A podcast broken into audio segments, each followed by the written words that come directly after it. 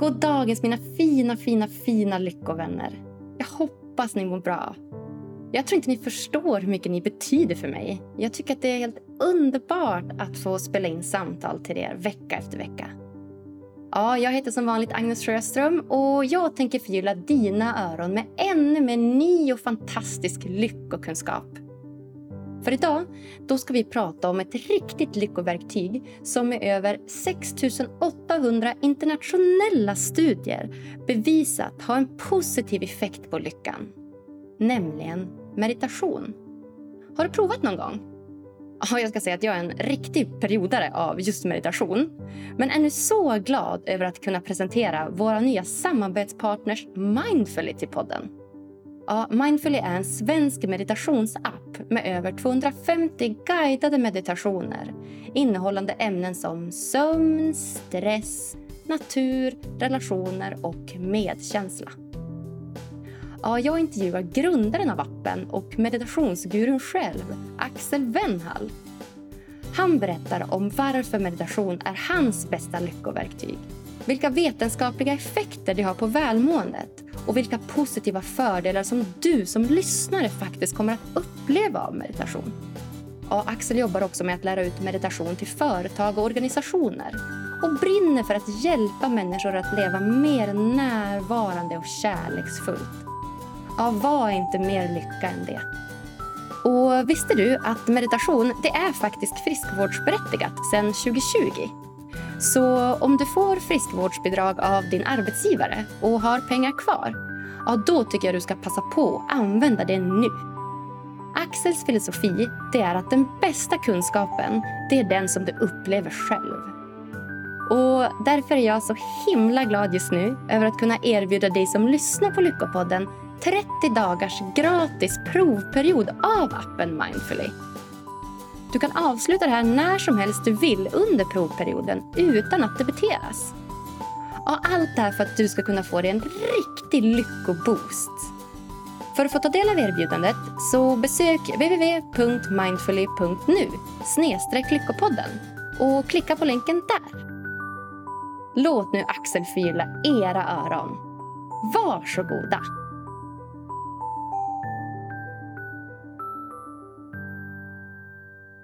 Varmt hjärtligt välkommen till Lyckopodden Axel Wennhall.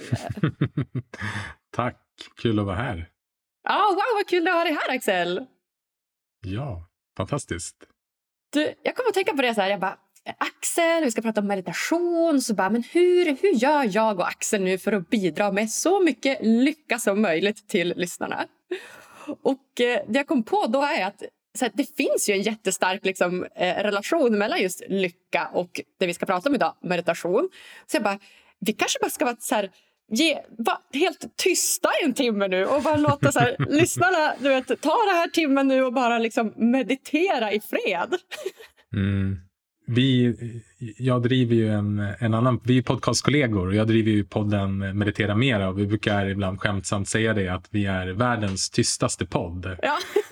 vi, vi har oftast guidade meditationer i den så att det, liksom, det, finns, eh, det finns långa pauser av tystnad. Men det kanske vi kan komma in på idag för det är väl kanske inte någonting som man vanligtvis tänker på att tystnad är synonymt med lycka.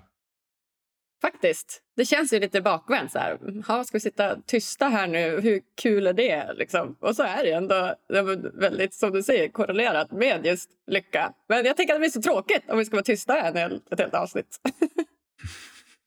jag vill ju veta mer. Jag vill veta mer om, om, om dig och om meditation. Låt oss eh, prata också då ja, men låt oss göra det. Men vi kan uppmana lyssnarna till att eh, ja, men ta kanske lite mer, lite mer meditationspauser i livet. Eller vad säger du?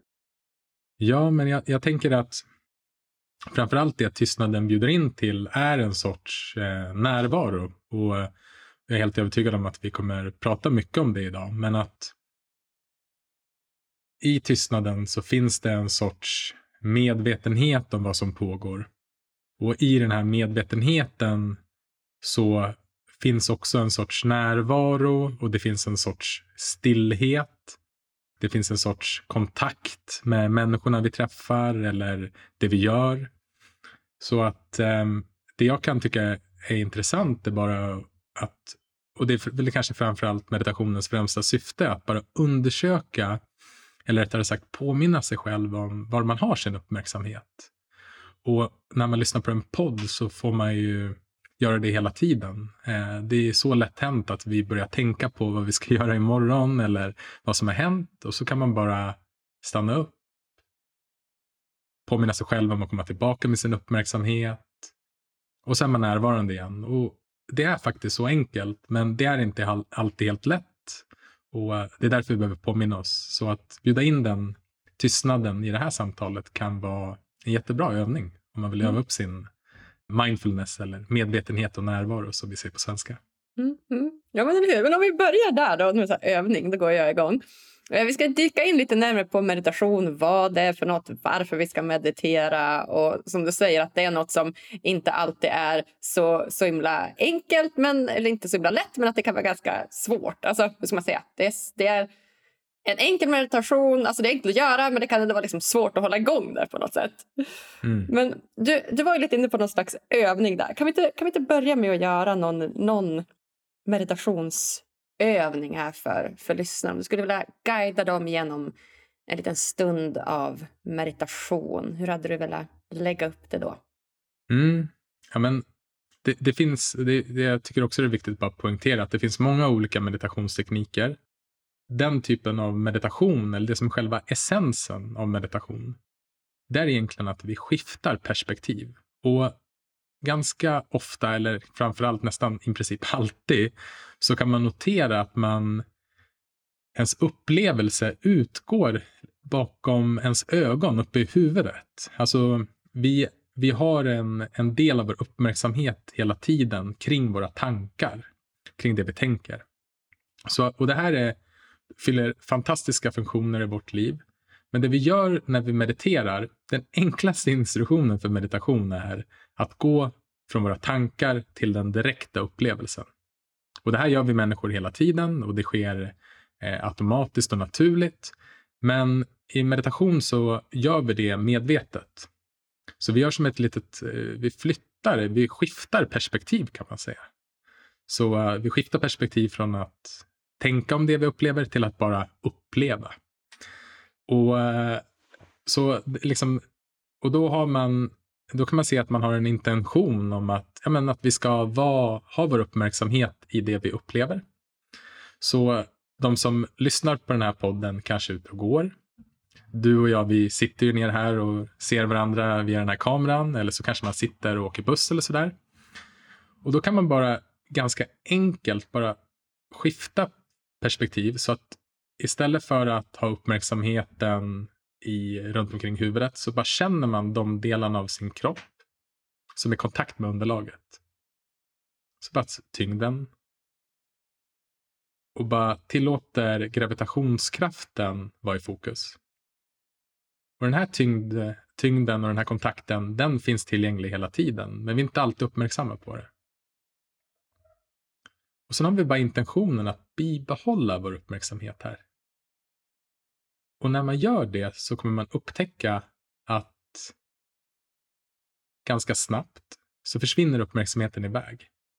Och här är nästan det viktigaste när man börjar meditera, att förstå att det är inget misslyckande. Utan det är en viktig del av övningen. Och när man har insett det så bara vänder man tillbaka uppmärksamheten igen och bara upplever den här enkla känslan av att sitta eller stå eller gå. Då är man återigen närvarande. Och då har man gjort som en sorts mental repetition. Så det, det är vi inte på väg någonstans när vi mediterar. Vi liksom försöker inte ta oss till något speciellt meditativt tillstånd, utan vi försöker bara vara medvetna om det som är som det är just här och nu. Och det är närvaro, att vi upplever innevarande ögonblicket. Och så kan man behöva påminna sig om det här flera gånger. Och det är också det som är spännande, att mindfulness betyder också påminnelse. Mm -hmm. Så ordet mindfulness har flera betydelser och oftast när man hör ordet mindfulness så kanske man tänker på att, ja, men att vara här och nu. Och det är en betydelse, att, alltså vi har, att vi har förmågan att vara närvarande och det innebär också att vi kan möta vad vi än upplever utan att liksom trycka undan det eller försöka liksom bli av med någonting, utan vi har kapaciteten att, att möta vad än livet presenterar för oss. Den andra är påminnelse, alltså att eh, komma ihåg att vara närvarande, att komma, komma ihåg att komma tillbaka med uppmärksamheten, för vi glömmer så lätt bort. Den tredje är kopplad till en sorts visdomsaspekt. Och det är att man också kommer ihåg vad som, på tal om lycka, vad som gör en lycklig. Och, men också vad som stoppar en från att vara lycklig. Så att man börjar bli mer medveten om vad i livet som ger en lycka och vad som stoppar en från lycka. Och det fina, fina med mindfulness, eh, så som det kommer traditionellt, det är att det utgår inte bara från för en själv, utan det utgår från alla. Så vad gör mig och alla andra lyckliga? Så man inkluderar, man inser att vi alla är sammankopplade i den önskan. Och den fjärde komponenten är klart medvetande. Alltså att vi är medvetna om det som pågår, lite som att en spegel skulle reflektera någonting. Och sen när vi börjar meditera kan vi börja inse att oj, vad mycket vi tolkar och värderar och kategoriserar och kritiserar det vi upplever. Så man kan behöva få en större förståelse att det finns eh, vi, vi, kan uppleva någonting och sen brukar vi oftast lägga till en tanke på det vi upplever. Och bara lära sig se skillnaden mellan det. Mm. Så det är liksom en fångar mindfulness i ett lite större perspektiv än att bara vara, vara här och nu. Mm. Mm, shit, vad bra. Det var en övning tillsammans med en mängd nyttig kunskap om just ja, men mindfulness som du, som du pratade om. Det finns ju, verkar verkligen som det finns så mycket fördelar med det här. Mm, ja, men det, det finns extremt mycket spännande forskning. Och eh, du och jag, vi pratade lite kort innan och du berättade att du var väldigt intresserad av positiv psykologi. Och eh, det, det intressanta är att när vetenskapen om meditation börjades så var det faktiskt under ett samtal där Dalai Lama han uppmuntrade ett gäng forskare att, att de skulle börja undersöka Själva diskussionen gick ungefär som att eh, ja, men vi har så många olika studier och diagnoser på våra mentala åkommor. Men varför forskar vi inte på det positiva? Alltså som eh, vänlighet och kärleksfull, kärleksfull vänlighet och medkänsla och tacksamhet och närvaro. Och det var egentligen startskottet på det som har kommit till att bli vetenskapen om meditation. Och idag så finns det ungefär, eller rättare sagt 2018 så hade det publicerats närmare 7000 internationella vetenskapliga studier. Och jag tycker det här är så intressant för jag föddes 1986. Det året publicerades det noll internationella studier. Men 2020, i fjol, så publicerades det 1100 internationella studier. Så att man kan liksom se att det är som en sån här hockeyklubba. Att eh, hur det här diagrammet med antal studier bara har ökat. Så att idag behöver vi liksom få en större förståelse av, eh, av vad, vilka typer av meditationer ger för typ av effekt och kunskap. Och det liksom visar sig att eh, även för en nybörjare så kan man uppleva ganska stora effekter efter redan ett par veckor. Och, och det är ju de väldigt goda nyheterna. Det man behöver ha i beaktning är att det verkar som att det här är lite grann som vår fysiska kondition, alltså att det är någon sorts eh, färskvara. Mm. Så även om man mediterar kanske ett par gånger så får man inte bibehålla de här effekterna, utan man behöver göra det man behöver göra det regelbundet helt enkelt. Men det bästa är att man behöver inte göra det så himla länge, utan liksom en kort stund, men någon gång per dag verkar ge jättegod effekt. Mm. Ja, men så många frågor. Alltså Det är så spännande. ja, om vi börjar med det här som du säger då, effekten eh, och den här regelbundenheten som du säger. Alltså när du säger att man ska eh, meditera regelbundet och det är som en färskvara och det är som en slags mental kondition. Hur ofta är då regelbundet? Det, det här är en, en lite klurig fråga. För att jag skulle säga att regelbundet är en gång per dag. Mm. Men den är lite klurig för att jag vet ju själv hur det är när man, när man hör någon säga så här, okay, men vi behöver meditera en gång per dag för att få in den här regelbundenheten. Och så missar man en dag. Mm. Och så bara så, "Ah, ja men nu är det över. Ja, Nu är det kört. Ja. Ja.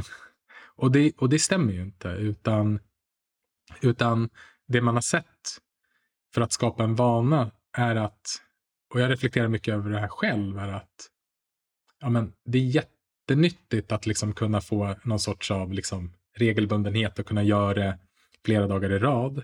Men det som är nästan allra viktigast är vad gör man dag två? Alltså om man missar dag ett, vad är det man gör dag två?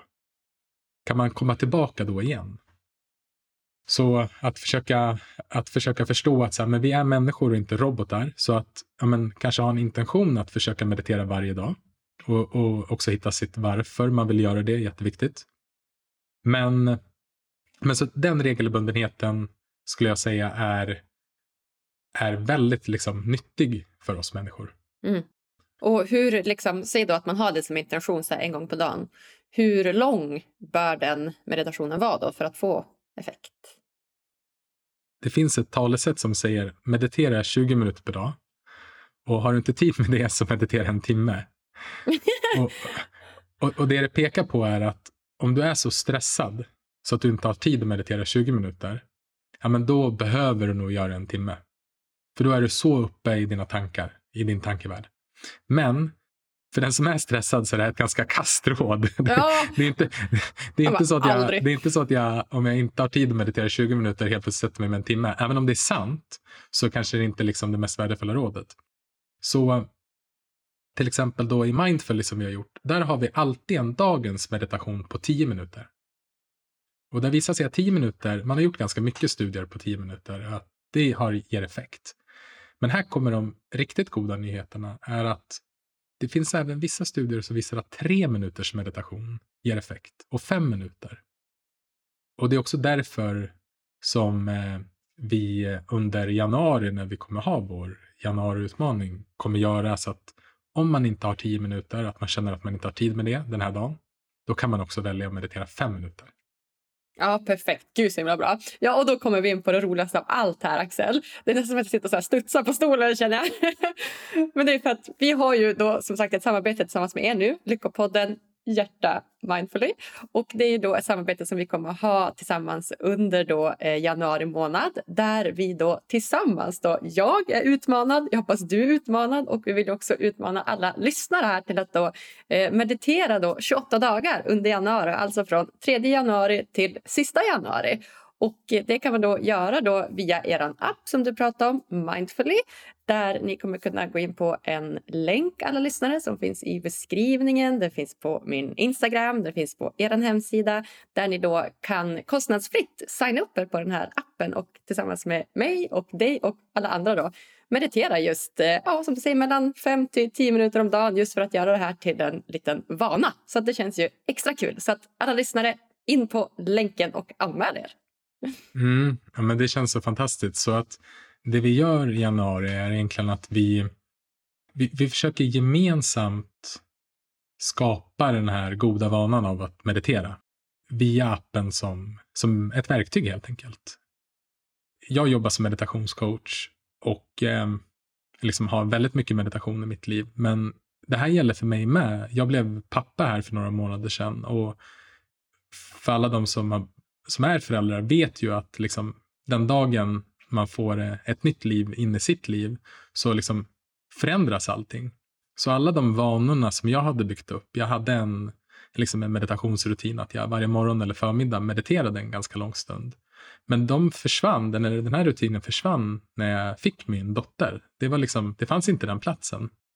Så jag är liksom, jag är också en i gänget som, eh, som liksom värdesätter av att få in fem eller tio minuter, eller om för den delen om man kan sitta längre, få in den närvaron en gång per dag. För jag vet hur, hur liksom värdefullt det är för mig.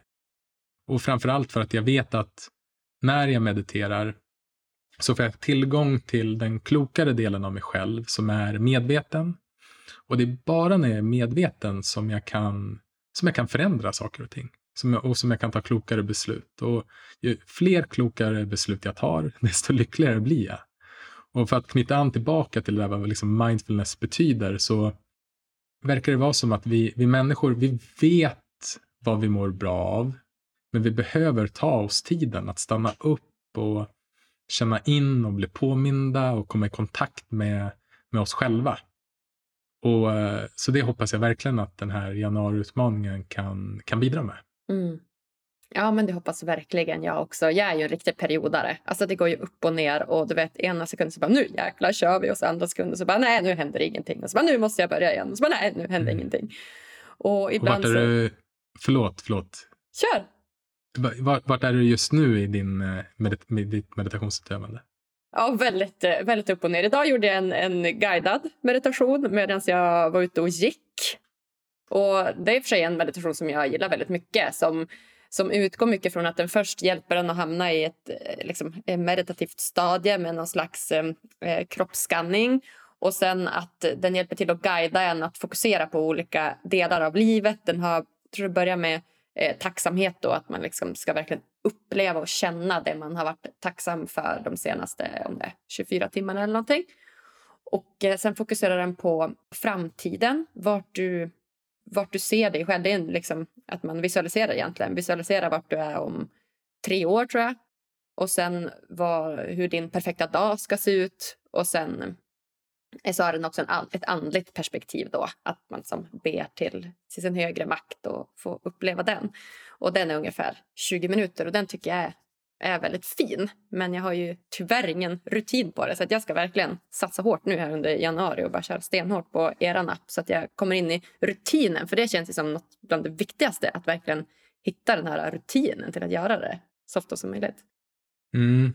För man kan ju säga att liksom en rutin, det, det den hjälper med hjälper oss människor med är ju ja, men en grej som vi alla människor gör är att borsta tänderna. Och man tänker ju inte riktigt på att man liksom ska borsta tänderna, utan det sker väldigt naturligt. Även om det var någonting som vi har lärt oss. Alltså borsta tänderna är ingenting vi föds med att göra, utan det är någonting vi tränar upp.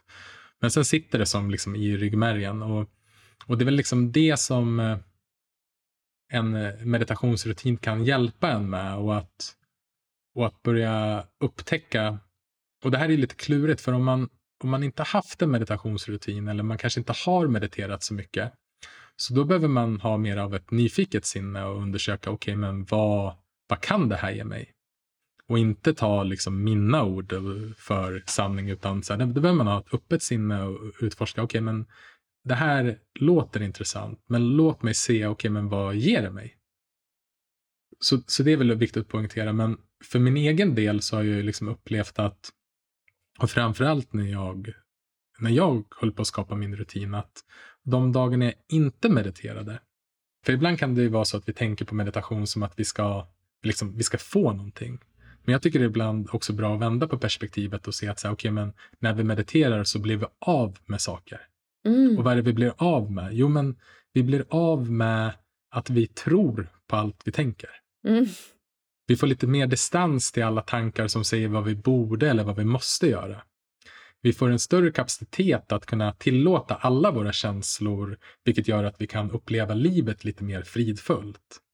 Det är egentligen ingenting som har förändrats, det är bara att våran, vårt sätt att förhålla oss till det vi upplever blir lite lättare. Vi kan acceptera det som händer, vi får tillgång till den klokare delen av oss själva.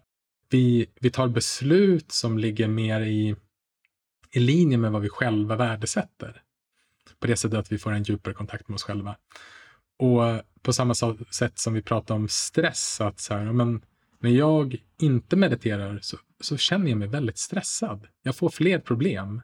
Och det är för att jag tror på mina tankar. Jag har liksom inte fått den påminnelsen som meditation ändå är att just det, jag kan observera mina tankar, jag behöver inte identifiera mig med dem allt. Jag behöver inte lyssna på alla tankars innehåll. Jag behöver inte tro att de är fakta eller sanning, utan jag kan se dem mer för vad de är.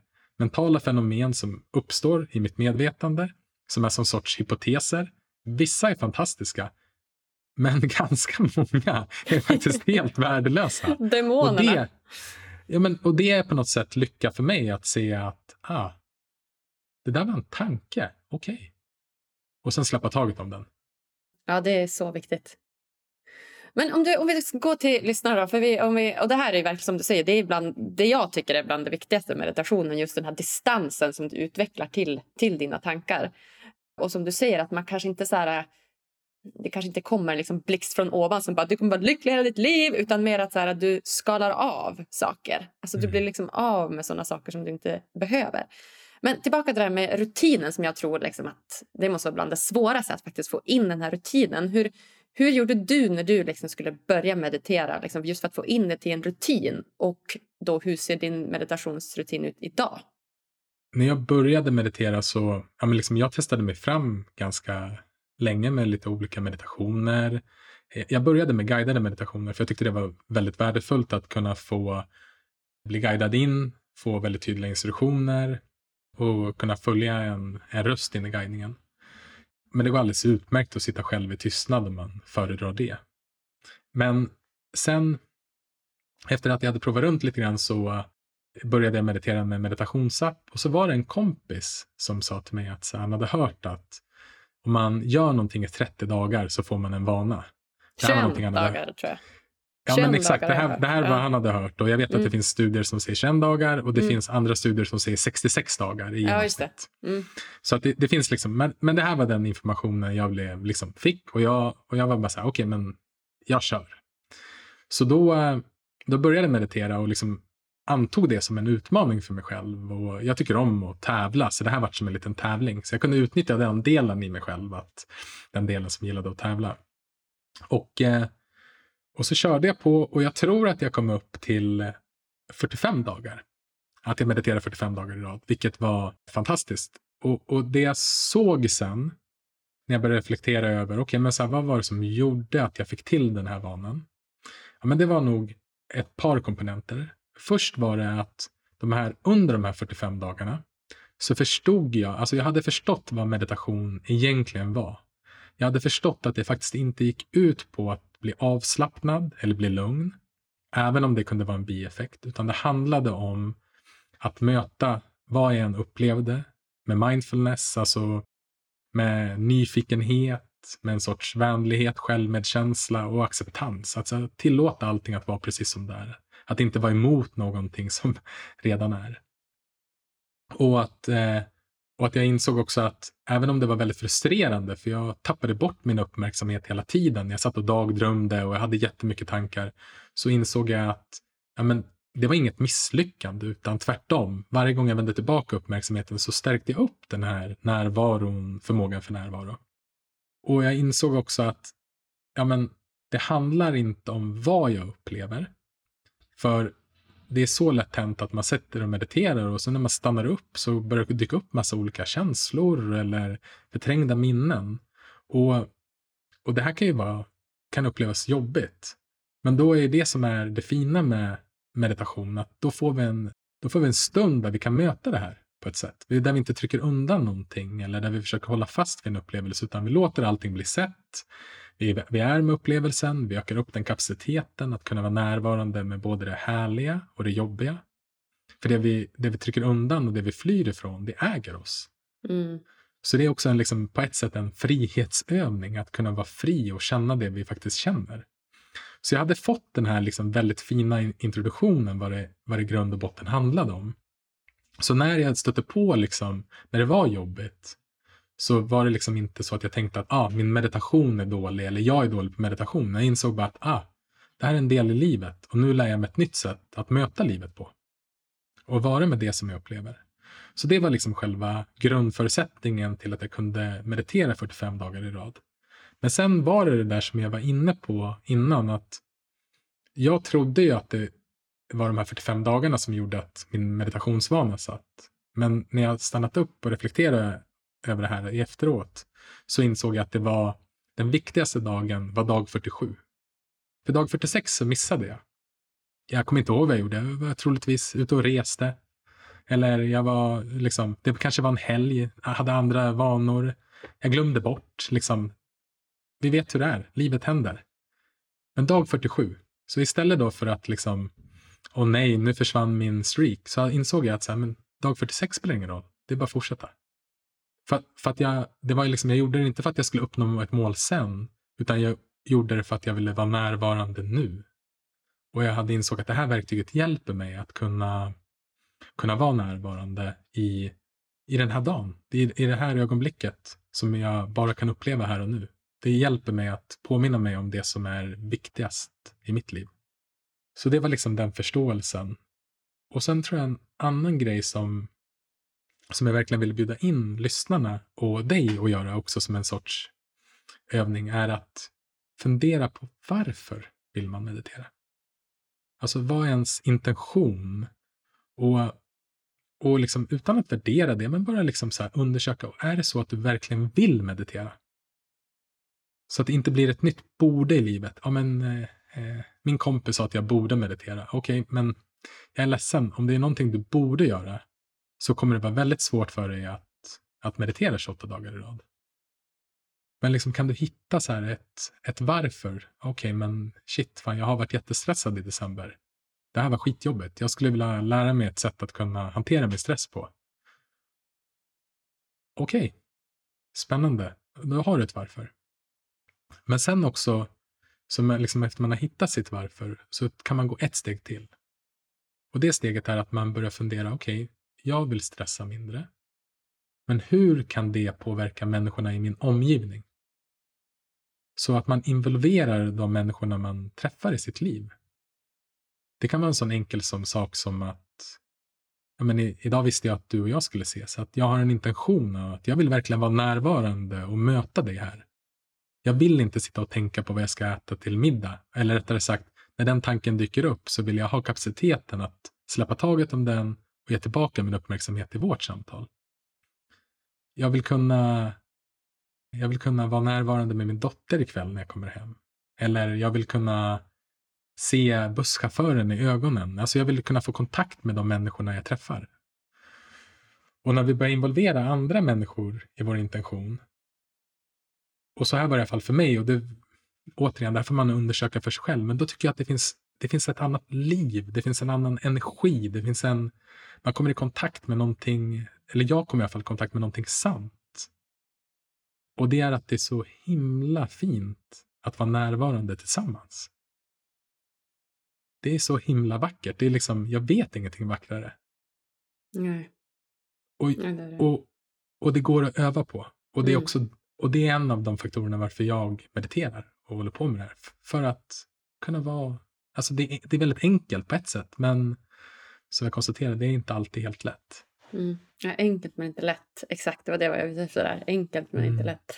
Men jag håller helt med dig. Och den här närvaron, jag tycker att man, där tycker jag att jag märkte ganska snabb liksom, skifte. Bara nu när vi blundade i början, eller jag blundade ju när du eh, gjorde den här lilla övningen då, att bara blunda och sen men, känna hur min kropp då möter stolen som jag sitter på just nu. Och bara, bara det skiftet alltså gör väldigt mycket tycker jag.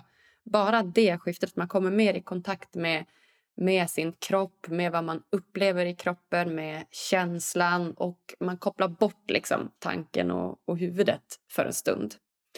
Och Det är ju det som jag tycker att de här, de här poddsamtalen har verkligen bidragit till för mig. Det är verkligen den här närvaron. Alltså att man på något sätt kopplar bort allt som har med, med livet runt omkring att göra och bara fokuserar på liksom den personen som är framför mig och dens liksom historia, berättelse, kunskap. Och jag tror att just närvaron är verkligen en, en anledning till att jag älskar det här så mycket. Just för att man hittar den här närvaron och dessutom en annan människa. Det är så fint.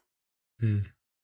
Ja, men jag håller med. Och eh, du och jag var också lite grann inne på, vi, vi delar intresset att, att vara i fjällen och åka, åka nerför. Du, du berättade att du åkte snowboard och jag älskar att åka skidor. Och, och, och det som liksom, jag tror när det klickade i för mig med meditation, det var när jag insåg att, men vänta nu, när jag tänker tillbaka på mitt livs bästa stunder, och, och många av de stunderna är just när jag åkt skidor, så uh, verkar det som att det finns en komponent som är liksom är med i alla de stunderna. Och det verkar vara det när jag frågar andra människor också. Och det är just närvaro. Mm. Och aha, okej, så det liksom, där såg jag korrelationen mellan närvaro och, och lycka. Och, och sen kom jag i kontakt med en jättespännande studie från Harvard University. Där frågade man över 2000 personer. Man, man, man skapade en app som skickade ut liksom push-notifikationer under en dag. Och så ställde man tre frågor. Den första var, vad gör du? Den andra var, hur mår du? Och den tredje var, tänker du på någonting annat än det du gör just nu? Och det den här studien visade var att i 47 procent av fallen så tänkte man alltså på någonting annat än det man gjorde. Alltså man var frånvarande. Och engelskan har ett mycket, mycket bättre uttryck för det här. Där heter det lost in thought. Alltså förlorad närvaro, eller man förlorad i tankar. För man, liksom, man är inte riktigt där.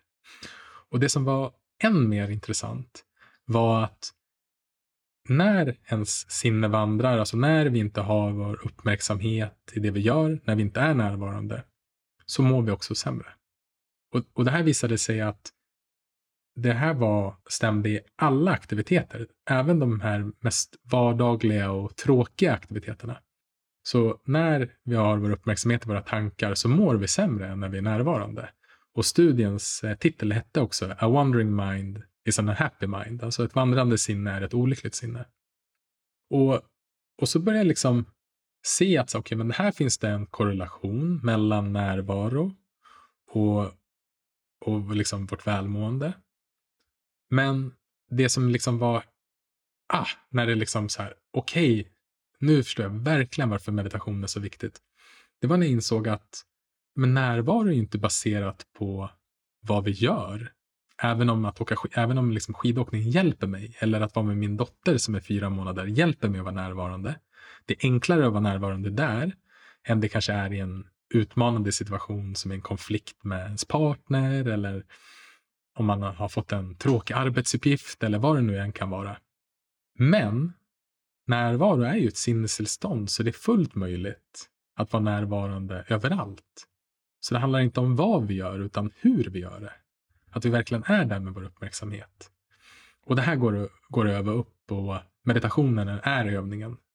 Så jag brukar liksom också se meditationen som ett sätt att ja, men jag vill ha med mig mer av den här, den här skidåkningen i livet.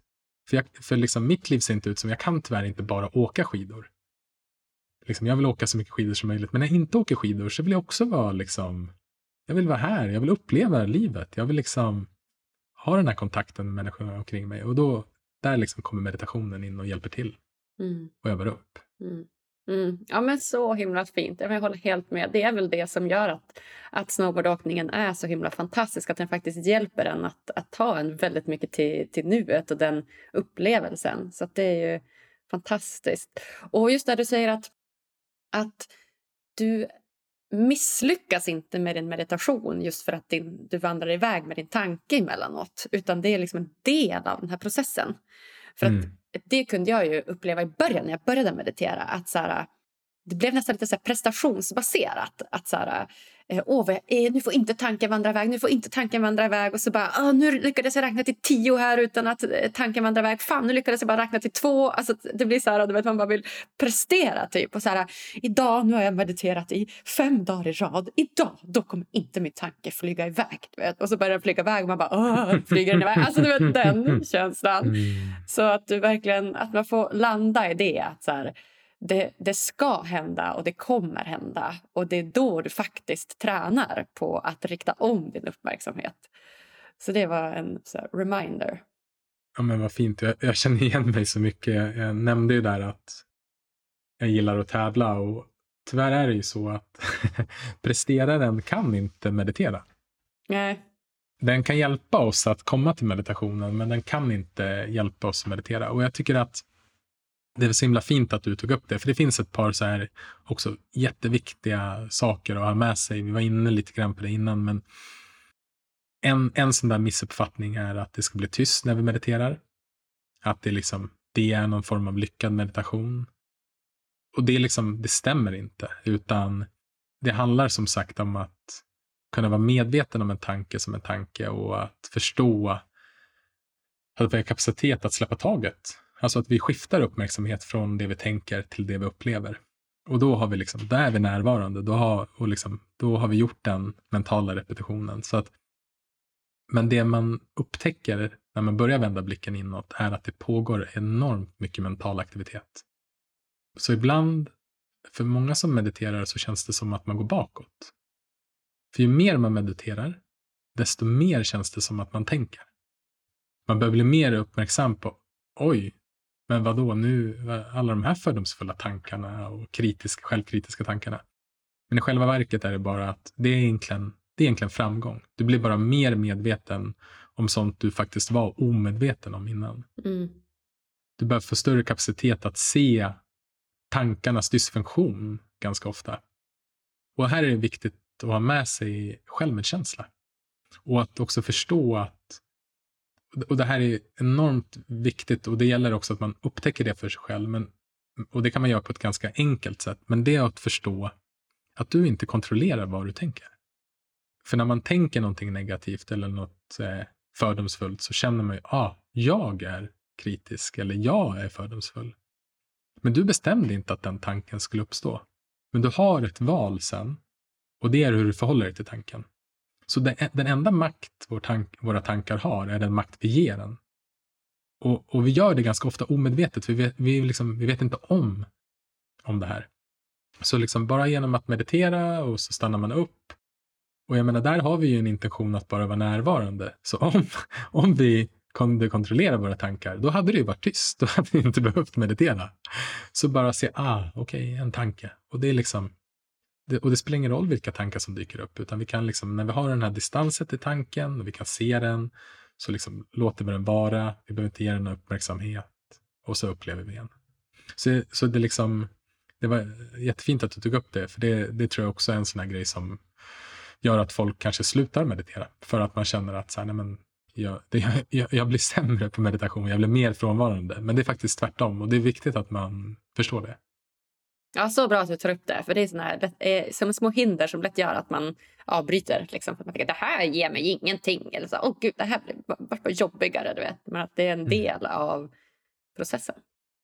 Jag är lite nyfiken nu inför januariutmaningen. Mm. Har du hunnit reflektera någonting över varför du vill få till vanan?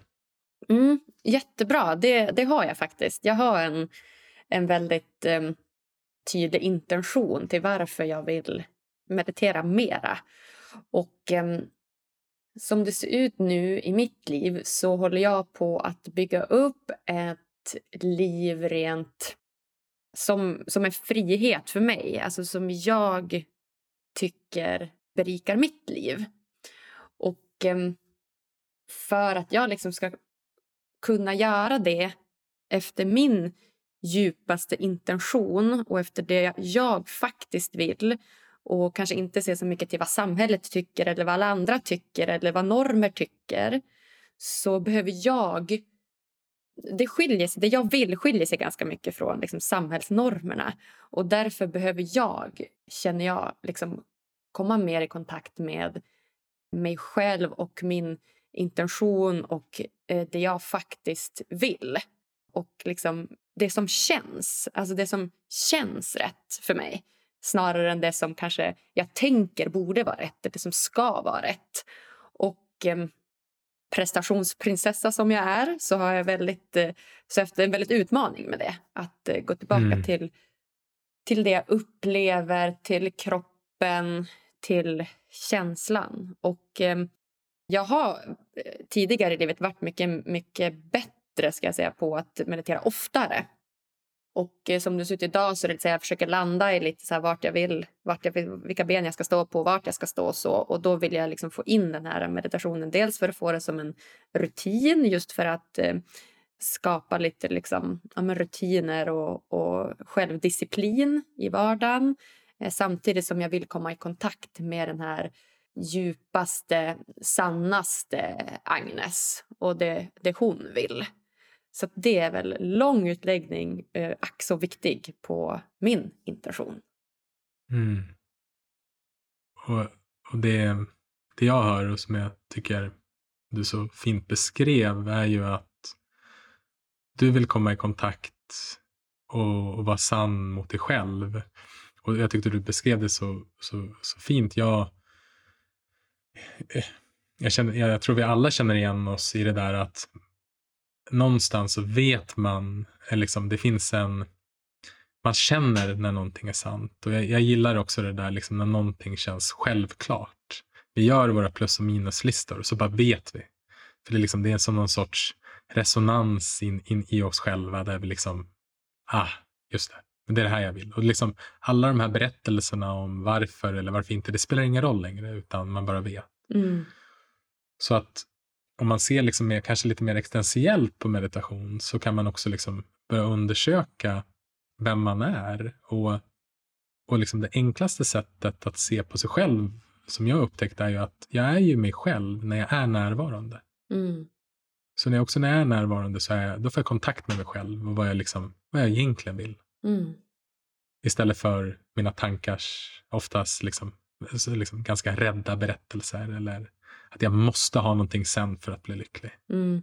Visst. Så att hur tror du att om du kommer i kontakt mer med dig själv och lever liksom det, ett autentiskt liv som det låter som att du, det är, liksom, det är det du ser att meditation kan hjälpa dig med. Hur ser, du, hur ser du att det kan berika människorna omkring dig? Oh, bra fråga. Jo, men alltså, mm, jag tror att det berikar eh, människorna runt omkring mig på ett inspirerande sätt, hoppas jag. Alltså att, eh, att de också får ta del av det. Att eh, dels att det går att göra det man faktiskt vill innerst inne. Att det går att följa sin intention. Och eh, att eh, om jag liksom följer det jag faktiskt vill så, så mår jag bättre och blir lyckligare. Och då har jag också möjlighet att sprida mer lycka till eh, omgivningen. Mm. Så att, eh, ja men dels med liksom inspiration och sen en eh, ja men lycka som jag bara får ringar, ringa på vattnet liksom. Mm. Ja men vad fint. Nej, men jag är bara nyfiken utifrån eh, det vi pratade om att det låter ju som att du verkligen har en så här väldigt stark och tydlig intention. Och så bara, för det kommer dagar ibland när det liksom kommer vara svårare och lite, det kommer inte vara lika naturligt att sätta sig och ta den här tiden och meditera. Och då kan det bara vara bra att påminna sig att, ja just det, okej okay, men om jag kan leva ett autentiskt liv så kanske jag också kan inspirera andra att leva ett autentiskt liv. Och om jag är mig själv så kan jag också bjuda in andra att få vara sig själv. Mm, och jag menar, det finns väl ingenting finare vi kan ge varandra än liksom den här fullständiga tillåtelsen att få vara precis den vi är. Mm. Du behöver inte förändra dig för mig. Du behöver inte vara, göra dig till för mig. Du får vara precis som där. Det är okej. Okay. Mm, mm, verkligen. Det är så fint och vad, vad mycket mer autentiskt eh, liksom, det skulle bli runt omkring en och runt omkring andra och så runt omkring dem och dem. Så det blir verkligen som ja, ringar på vattnet helt enkelt. Mm. Mm. Spännande. Ja, men så himla spännande här, eh, Axel. Det ska sägas att eh, du håller på väldigt mycket med just meditation. Du är ju dels en poddkollega till mig och driver en podcast om meditation. Du skriver böcker om meditation och föreläser om meditation. Och du har också grundat den här appen då, Mindfully som vi har ett samarbete med tillsammans med. Så att, ja, man kan säga att du har verkligen dykt djupt i meditationens värld. Låter så enkelspårigt. Axel. Vad är Axel? Ah, han mediterar. Exakt. Men, men, men, men, men, jag tror att det kanske behöver förklaras lite grann. Alltså, så här, jag, alltså jag, jag, jag, jag brinner för det här. Men framförallt så brinner jag för att liksom för att beskriva meditation på ett enkelt och tillgängligt sätt. Jag, jag fick frågan förut, liksom så här, nu när jag släppte min bok, vad vill du att boken ska tillföra? Och det är samma sak med appen och det här samtalet. Jag vill att meditation ska bli mainstream. Mm. Oftast brukar ordet mainstream vara liksom negativt laddat. Men jäklar vad gött det hade varit om meditation. Tänk dig om man bara liksom, nej men jag tror inte på mina tankar idag. Nej, inte jag heller. Alltså, hur, nej, hur fint det hade varit om man kunde stanna upp och liksom inför ett möte satt man fem minuter i tystnad så man verkligen kunde connecta tillsammans. Och, ja. så, och, och, när jag upptäckte meditation för sex år sedan så trodde jag att det var flummigt. Men min coach, som jag vet att du också har träffat i podden, Bengt Renander, han har sagt det så himla bra. Och det är att tro på sina tankar, det är flummigt. Ja, faktiskt. Bra. Vänd på det. Ja, exakt. Så att jag hade massa olika missuppfattningar och massa olika föreställningar om vad det var. Och när jag liksom förstod vad det handlade om, att det var som sagt en övning i närvaro och medvetenhet, så blev jag helt fascinerad för att jag, jag var ungefär, jag var nästan 30 när jag kom i kontakt med meditation första gången. Och det var i princip ingen i min omgivning som mediterade. Och jag har liksom och det fanns ju såklart massa människor runt om i Sverige och världen som mediterade långt, långt innan jag mediterade. Men det var liksom inte, det var liksom inte så vanligt förekommande. Det var liksom, det var ändå någonting ganska annorlunda meditation.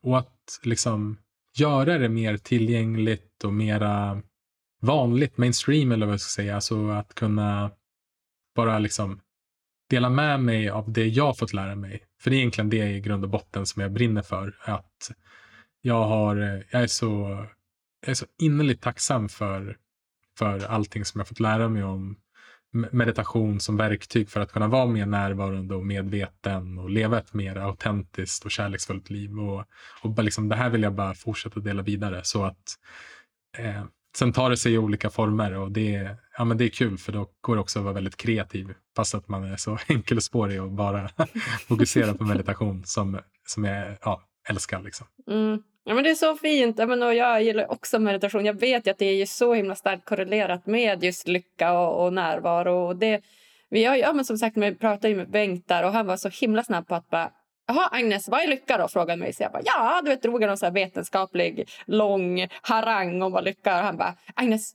lycka är närvaro. Bara, ja, just det, precis. så det var så fint att han, att han verkligen drog den kopplingen så här supersnabbt. Och, och jag håller helt med. Alltså, det finns inget annat än att säga att det, det är så det är. Och där tycker jag också det är intressant för det, det är egentligen när jag började träffa, så för, för lyssnarna då som kanske inte har lyssnat på avsnittet med Bengt Renander eh, så kan jag först och främst varmt rekommendera dem att, att göra det för Bengt är fantastisk. Så när jag började, Bengt var också den som introducerade meditation för mig och, och han är fortfarande min coach och mentor så vi ses ibland och, och jag tycker det är så värdefullt att liksom ha en ja, men, professionell Liksom, ett, ett professionellt bollplank. Jag brukar kalla honom min MT istället för PT. Ja, MT. Min mentala tränare. Mm. Och, men första gången jag kom dit så frågade han mig just, okay, men vad är det bästa som kan hända av att du har kommit hit? Och då svarade jag, nej men innerst inne vill jag ju vara lycklig. Mm. Liksom, det, det, jag känner mig inte lycklig nu och jag vill vara lycklig. Och under min resa de senaste sex åren så har lyckan också fått en annan innebörd. Och en definition av lycka är definitivt att säga, okej, okay, men det, jag kan vara min lyckas smed genom att vara närvarande. Genom att släppa taget om mina tankar och uppleva. Och, så liksom där finns definitivt eh, väldigt mycket lycka. En, ett annat sätt är att, att det som vi var inne på med mindfulness, alltså att komma ihåg vad som gör mig gott och andra gott. Och att liksom, det är också lycka på ett sätt, att göra mer av det. Alltså mera skidåkning, mindre stressiga saker. Det är också en definition av lycka. Och en annan sån här del som jag upptäckt är att ja, men förut så kanske lycka var mer att jag alltid skulle vara glad eller positiv. Men för mig så har lycka inneburit också att jag kan få vara hel. Att jag kan tillåta mig själv att få vara ledsen. Och när vi pratar nu så är det ju liksom den mörkaste tiden på året. Liksom, det är lite som att ens känslopiano spelar lite så här dystrare toner. Och istället för att vara emot det så bara, okej, okay, men vad händer om jag går in i det och tillåter mig själv att liksom, ja, ah, men det är så här det är just nu. Och då kommer jag i kontakt med en annan sorts lycka. Och det är en sorts frid. En sorts fullständig accept acceptans över det som är. Och i den acceptansen och friden så liksom finns det också någon sorts, ordet kärlek är så jäkla laddat, men det är en sorts kärlek som kanske mer kan också komma uttryck av tacksamhet, förståelse, att önska andra gott, att förstå att vi alla är sammankopplade. Så att så lycka har liksom fått ett mycket vidare begrepp och, och i grund och botten så liksom är jag som lyckligast när jag får vara mig själv. Exakt, ja, men så bra sagt. Att lycka behöver inte alltid vara woho, superglad, liksom, spralliga. Utan det finns också väldigt mycket lycka att hämta i, i lugnet, i acceptansen, i friden, som du kallar det. Och att, att det finns väldigt, väldigt mycket att, att hämta där. Liksom, att blicka, blicka inåt och inte liksom bara se lycka som de här externa faktorerna som kanske en, eh, inte vet jag, ett roligt hopp i backen som gör att du blir alldeles pirrig i magen och lycklig. Så kan det lika gärna vara att, um, ja, men, att du accepterar att du så här, inte vet jag, har ja, men, som du säger, jobbiga känslor i kroppen just nu under november, december månad. Så det är en bra reminder även det, ska jag säga Axel.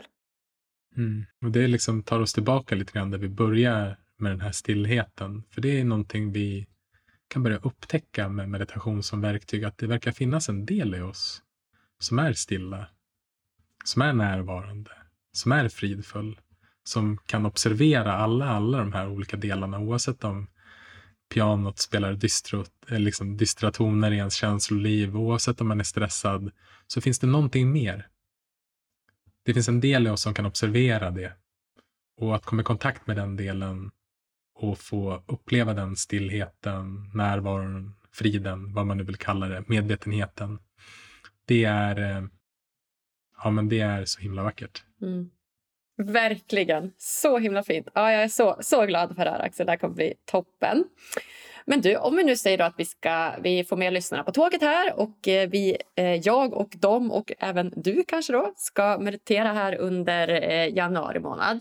Då så laddar vi alltså ner appen via länken som finns på min Instagram, på säkert er Instagram och på, i beskrivningen till det här poddavsnittet. Och det gör vi då och få ja, men, 30 dagars gratis provperiod som går att avsluta när som helst. Vi går in på appen och sen har ni då, för att komma igång där, skulle du säga att du liksom börjar då med den här dagens meditation, så bara klicka på den och så bara börjar där, eller vad, vad skulle du rekommendera? Ja, men precis. Så att om vi, om vi ser det bara till januariutmaningen som inleds måndagen den 3 januari så eh, kommer det vara liksom högst upp på hemskärmen. Så kommer det komma då en, en meditation och då kan man välja om man vill göra som vi var inne på tidigare, om man vill meditera 10 minuter. Och har man inte tid till det så kan man meditera 5 minuter. Och det här kommer sen då pågå i, i fyra veckor. Så eh, varje dag kommer det komma upp en ny meditation. Och eh, då kan man också ha med sig att så här, men det här gör vi tillsammans. Och så kan man också bara påminna sig om att så här, men sannolik, liksom, sannolikheten att man kommer missa en dag är ganska hög. Men det gör ingenting. Utan det är vad du gör dagen efter att har missat. Eller dagen efter det. Och bara inse att det finns alltid en chans att börja om. Så skulle man liksom missa en vecka, det spelar ingen roll. Det är bara att börja om. Och det är det vi också gör i meditation. Vi börjar om med nuet hela tiden. Vi släpper taget om det förflutna. Det som har varit har varit. Och så vi liksom, möter vi nuet med nyfikna, öppna ögon. Så, så det är väldigt enkelt. Ladda hem appen. Du hittar liksom den meditationen.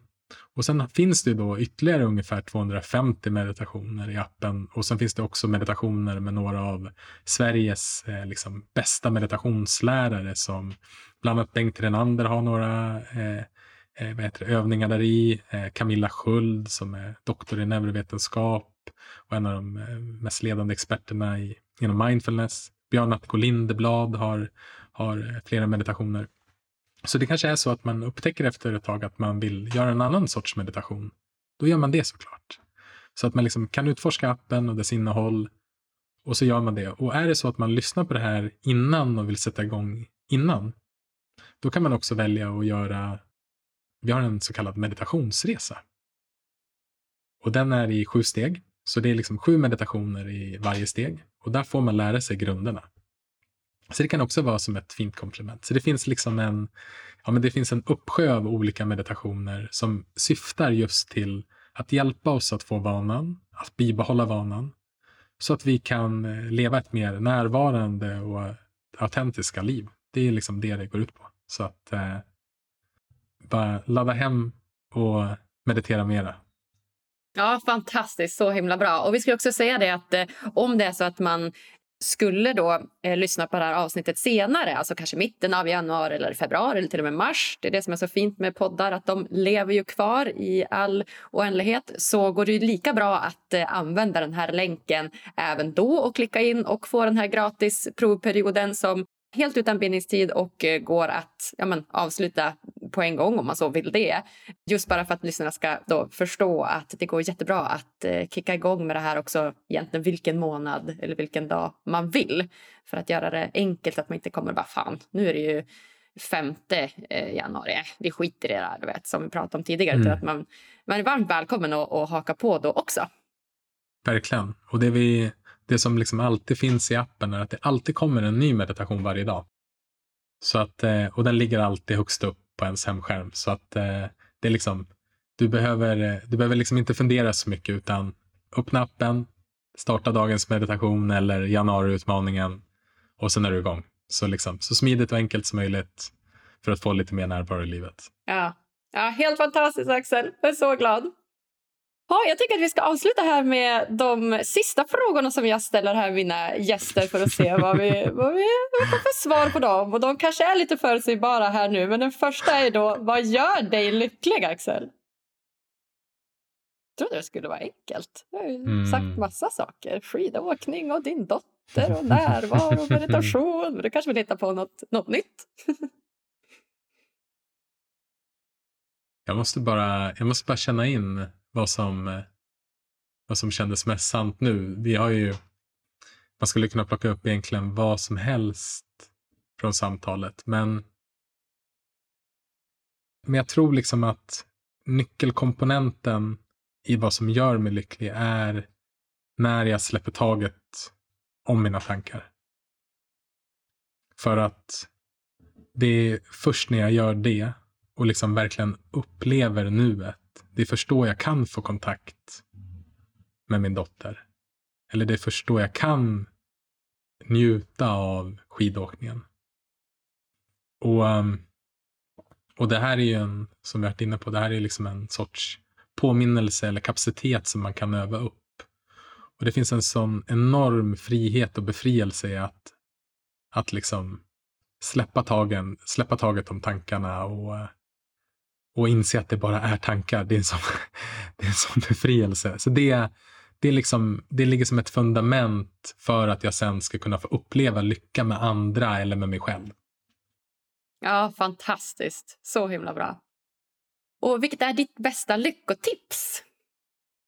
Ja, men jag tror eh, att det är tacksamhet. Att, eh, att återigen att eh, det är mycket påminnelser här, men det är egentligen allting vi har pratat om tror jag att lyssnarna liksom, man vet det här på något sätt, men det är påminnelser.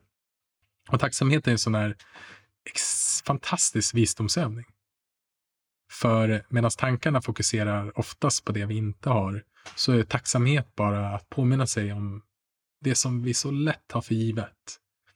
Om det man värdesätter och det man, det man liksom uppskattar, det man älskar, det man gillar, det som ger livet guldkant. Och allt alltid när jag påminner mig om vad jag är tacksam över så inser jag att jag är redan lycklig.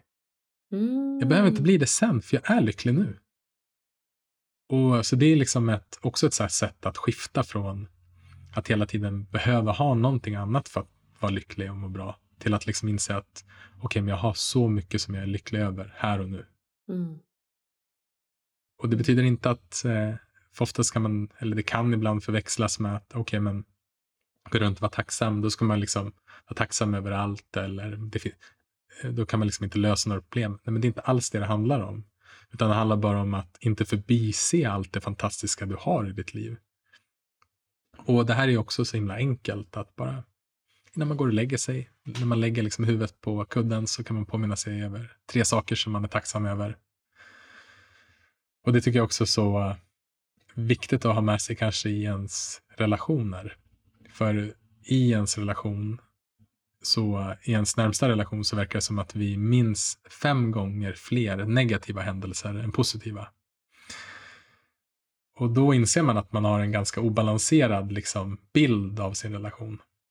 Att liksom, hjärnan är inte konstruerad över att vara objektiv på det sättet. Så att och bara vara tacksam över vad man, liksom ens partner och en familj. Det är bara att inse att så här, wow, fantastiskt. Mm.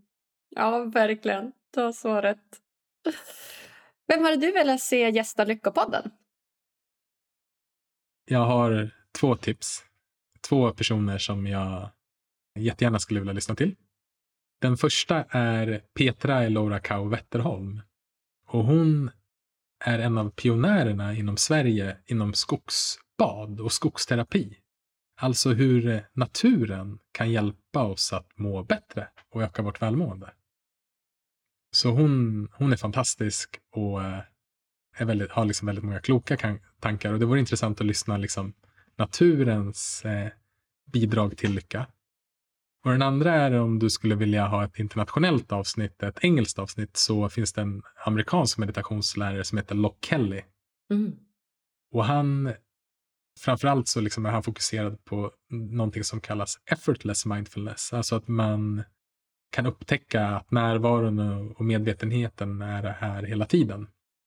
Och han är också väldigt eh, duktig på att förklara hur man kan ja, men liksom bara skifta perspektiv från det här egocentriska perspektivet, från tankarna, till att bara liksom den rena upplevelsen och hur man kan få in mer av ja, men närvaro och kärlek i livet.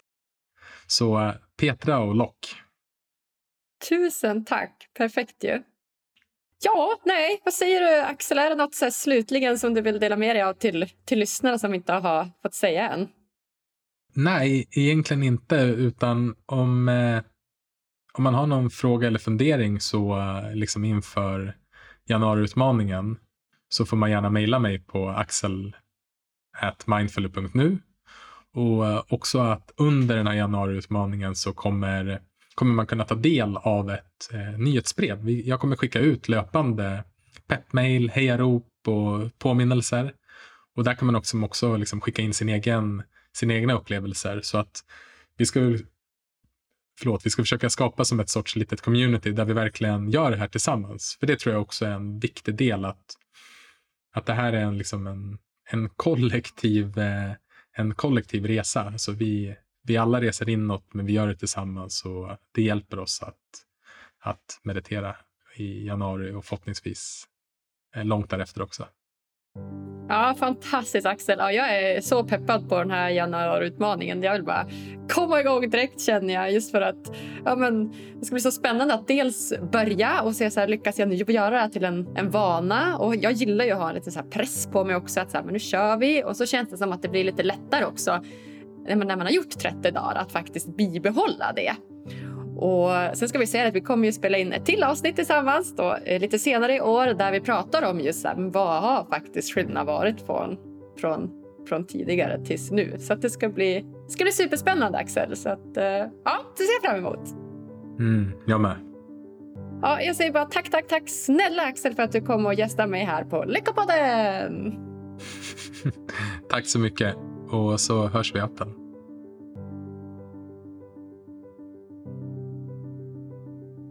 Ja, så här kan det alltså låta från en riktig meditationsexpert. Det behöver inte vara så himla krångligt att meditera, utan gör det bara. Ja, fem, tio minuter om dagen verkar ju räcka. Så passa på att joina mig, Axel och så många andra i Mindfulness meditationsutmaning nu under januari. Från 3 till 31 januari hjälps vi åt att under 5-10 minuter meditera tillsammans varje dag för att skapa en fin lyckorutin till år 2020. Ja, det här ska i vart fall bli mitt bästa år någonsin. Du som lyssnar på Lyckopodden erbjuds nu därför 30 dagars gratis provperiod av appen Mindfully. Du kan avsluta den när som helst under provperioden utan att debiteras. Så passa på att skapa den bästa lyckorutinen för 2022. Du besöker www.mindfully.nu lyckopodden och klickar dig vidare på länken för att få de här 30 dagarna helt gratis. Lycklig meditation! Ja, uppskattade du också det här avsnittet?